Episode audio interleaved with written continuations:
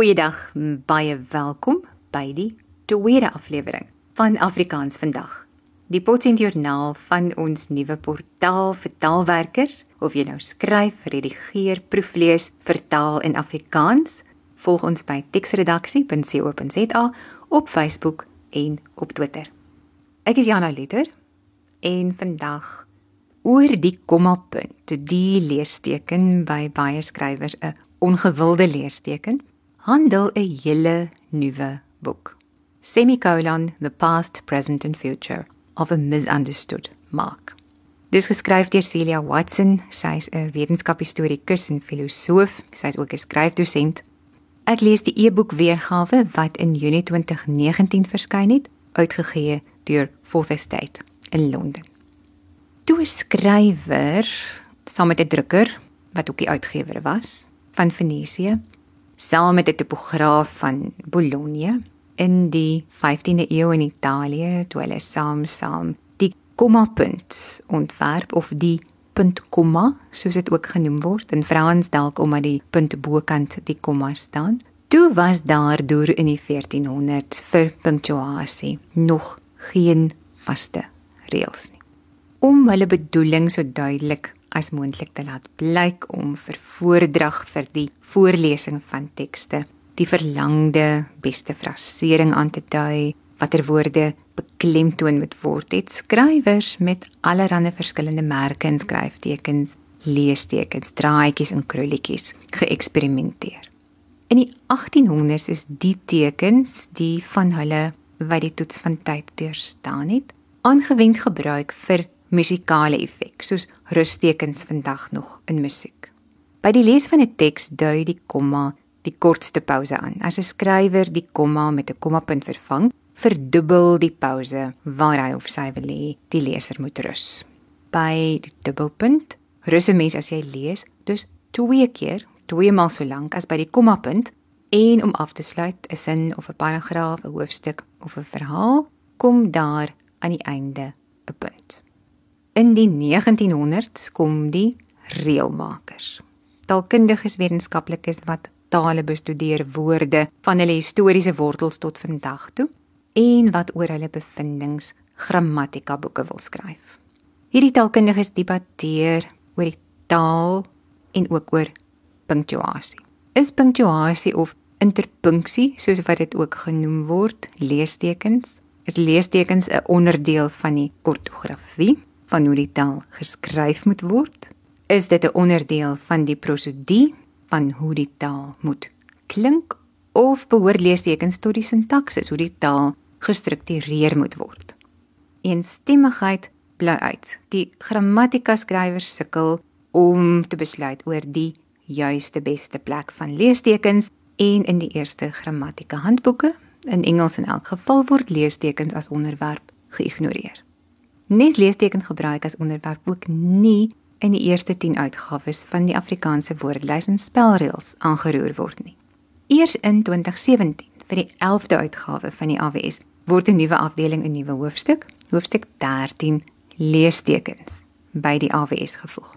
So as jy nou nog nie die nuutste uitgawe van die AWS van die rooi boek aangeskaf het nie, hier is een van die belangrikste redes waarom jy as jy met taalwerk die nuutste uitgawe van die AWS nodig het. Maar so gaan die idee van skrywers as musikante wat soepel na diskresie na willekeur, punctuasie as hulpmiddel gebruik oor in die verwagting dat moderne skrywers skrywers vandag ons ons aan rigiede reëls moet onderwerp. Nie net wat die grammatika en wat spelling betref nie, maar ook wanneer ons leestekens gebruik. In die nuwe leestekenhoofstuk van die AWS AWS 11 word daar vir die gebruik van die komma altesaame 15 reëls gegee, indien nie meer nie as ek nou reg getel het.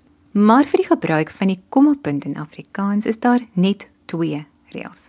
As jy mens skryf en veral as jy professioneel besig is met ander mense se skryfwerk, as jy jou uitverhuur as vertaler, as redigeerder, as proefleser, dan moet jy hierdie hoofstuk, hoofstuk 13 van die AWS deurwerk en jy moet dit daarna altyd byderhand hê. Wat sê die AWS oor die gebruik van die kommapunt?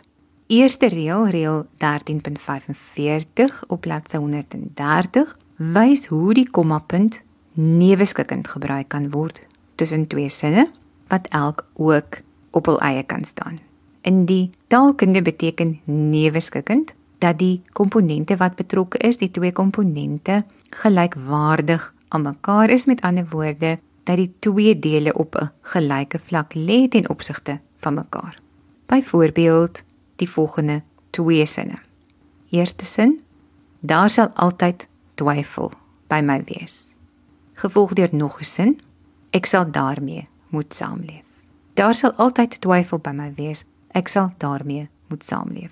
Twee aparte sinne, maar twee sinne wat tot 'n een eenheid of dan tot 'n hegter eenheid verbind kan word as 'n mens die punt tussen hulle deur 'n kommapunt vervang. Daar sal altyd twyfel by my wees. Ek sal daarmee moet saamleef. Hoekom werk 'n kommapunt hier dalk selfs beter as die punt?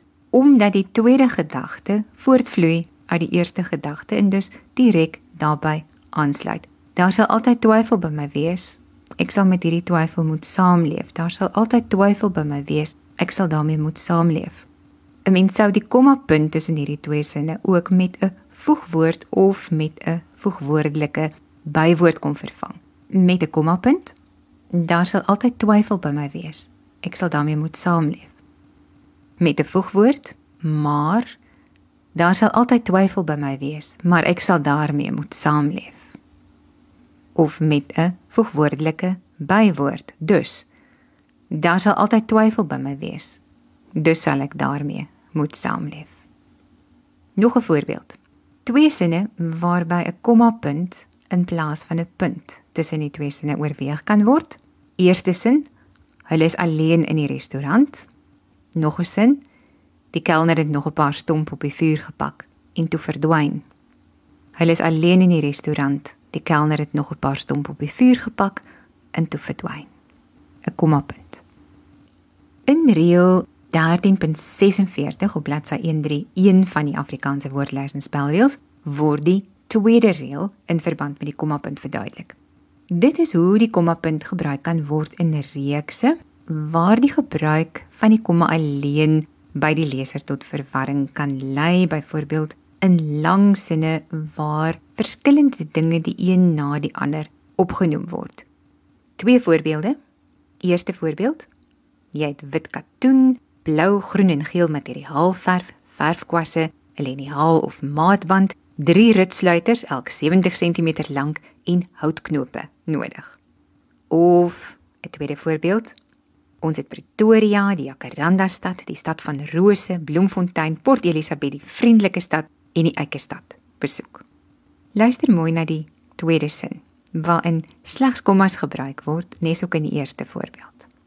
Ons het Pretoria, die Jacaranda stad, die stad van rose, Bloemfontein, Port Elizabeth, die vriendelike stad en die eike stad besoek.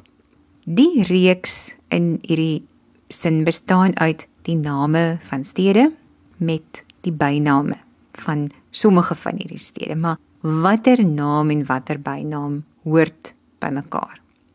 Om tussen stede wat so die een na die ander genoem word met hulle ander name met hulle byname tussenin om tussen hierdie groepe net kommas te gebruik is nie leservriendelik nie.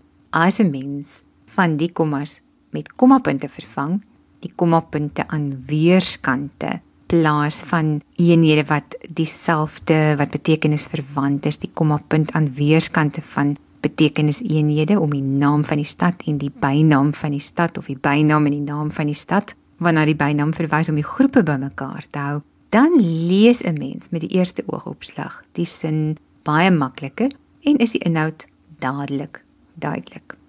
Dit wat betref die twee reëls in die AWS met betrekking tot die kommapunt, maar let op dat oor die vraag wat dalk die meeste gevra word oor die gebruik van die kommapunt in Afrikaans, daaroor bied die AWS slegs indirek leiding en dit is naamlik die skoolboekreël. In skoolhandboeke van Tuka tot vandag steeds word die gebruik van die kommapunt veral aangemoedig aangeraai voor wat genoem word die sogenaamde groep 2 voegwoorde. groep 2 voegwoorde. Dit wil sê die woorde woorde soos daarom, derhalwe, dus, gevolglik, inteendeel, nietemin, nogtans en tog. Daarom derhalwe dus gevolglik, inteendeel, nietemin, nogtans en tog. Vir hierdie woorde sê die skoolhandboeke en sê baie onderwysers daarom nog aan leerders moet 'n mens altyd 'n kommapunt gebruik. Byvoorbeeld, hy was gans te jonk, kommapunt. Nietemin het sy hom op 'n stoeltjie laat staan om saam met die ouer seuns te sing. Hy was gans te jonk, nietemin het sy hom op 'n stoeltjie laat staan om saam met die ouer seuns te sing met 'n kommapunt voor nietemin. Hoekom? Want nietemin sê die skoolhandboeke is 'n groep 2 voegwoord. Nou in die moderne taalkunde vandag volgens taalkundiges soos professor Gerard van Huisteen van die NWU voorsitter van die SA Akademiese Taalkommissie volgens hedendaagse taalkundiges is die term groep 2 voegwoorde uitgedien. Hulle sal vir jou sê daar is nie 'n ding soos 'n groep 2 voegwoord nie. Die groep woorde wat in die ou dae groep 2 voegwoorde genoem is en wat handboeke steeds groep 2 voegwoorde noem Die klompie woorde word vandag beskou as voegwoordelike bywoorde of dan ook konjunktiewe bywoorde genoem. Nou, kyk 'n mens hieroor na die AWS se reël 13.42. 13.42 wat nie oor die kommapunt handel nie, maar wel oor die komma waar die komma gebruik word om twee sinne te skei. Dan word dit duidelik dat 'n mens deesdae ewe goed en ewe reg en aanvaarbaar volgens die AWS in die plek van die tradisionele kommapunt vir so 'n bywoordelike voegwoord ook gerus maar 'n komma kan gebruik as jy wil. Soos in die volgende voorbeeld op bladsy 128 van die AWS. Die sin die erflating is in 'n trust, gevolglik het niemand toegang tot die kapitaal nie. Die erflating is in 'n trust, komma, gevolglik het niemand toegang tot die kapitaal nie. Volgens die skoolhandboekreël sou daar tussen die woorde trust en gevolglik in die voorbeeldsin 'n komma punt moes staan, maar die taalkommissie volstaan hier duidelik met 'n komma. Die erflating is in 'n trust, komma, gevolglik het niemand toegang tot die kapitaal nie, maar jy kan natuurlik steeds die komma punt gebruik. Die erflating is in 'n trust, gevolglik het niemand toegang tot die kapitaal nie en onthou ons het gesê die pouse van die komma is die helfte so lank as die pouse van 'n kommapunt. So die skrywer moet dus besluit, hoe lank is 'n pouse nodig tussen trust en gevolglik. Die erflating is 'n trust, gevolglik het niemand toegang tot die kapitaal nie. Die erflating is 'n trust. Gevolglik het niemand toegang tot die kapitaal nie. Die verskil tussen die twee is die lengte van die pouse, die ruspunt in die middel van daardie saamgevoegde twee sinne. Oor die saak het ons ook by uitgewers en by skrywers gaan navraag doen en uit die antwoorde wat ons gekry het, blyk dit dat die skoolboekreël wat steeds op papier 'n kommapunt voor voegwoordelike bywoorde vereis en wat deur baie onderwysers in die klas nog streng nagevolg word, in die taalpraktyk inderdaad lankal nie meer so streng toegepas word nie en dit strook dan ook met ons eie waarnemings aan gebruikspatrone in groot korpusse van geskrewe Afrikaans. Die algemene gevoel vandag is laat hierdie keuse oor aan die gebruiker. En dit dalk ook omdat baie skrywers vandag oor die korrekte gebruik van die kommapunt onseker blyk te wees ten spyte daarvan dat daar vir die gebruik van die leesteken dus eintlik net twee reëls is. In die 19de eeu is die kommapunt baie gebruik dalk 'n bietjie te veel vroeg in die 20ste eeu was die gebruik van die kommapunt by skrywers hoogmode. 100 jaar later, in 2002, skryf Paul Robinson in 'n essay, The Philosophy of Punctuation, skryf hy Semicolons are pretentious and overactive. More than half of the semicolons one sees, I would estimate, should be periods. And probably another quarter should be commas. In exasperation, I have tried to confine my own use of the semicolon to demarking sequences that contain internal commas and therefore might otherwise be confusing. I recognize my reaction is extreme, but the semicolon has become so hateful to me that I feel almost morally compromised when I use it. Ook Vonnegut in 2007 word dikwels aangehaal. First rule, do not use semicolons.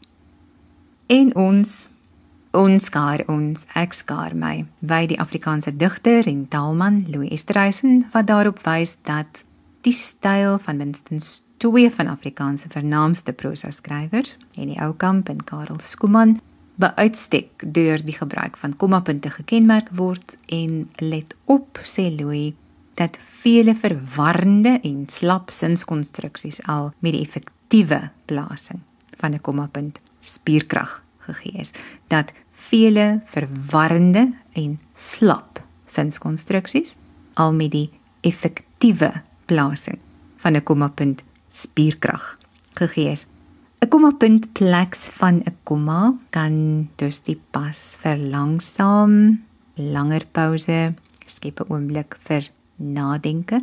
Aan die ander kant kan 'n kommapunt in die plek van 'n punt weer die pas versnel as dit ware 'n teks laat galop, dit makliker en beter en vinniger laat vloei. Natuurlik sorg 'n mens eers as taal jou werk is dat jy die onderliggende reëls ken dat jy die reëls verstaan en daarvoor is die AWS daar.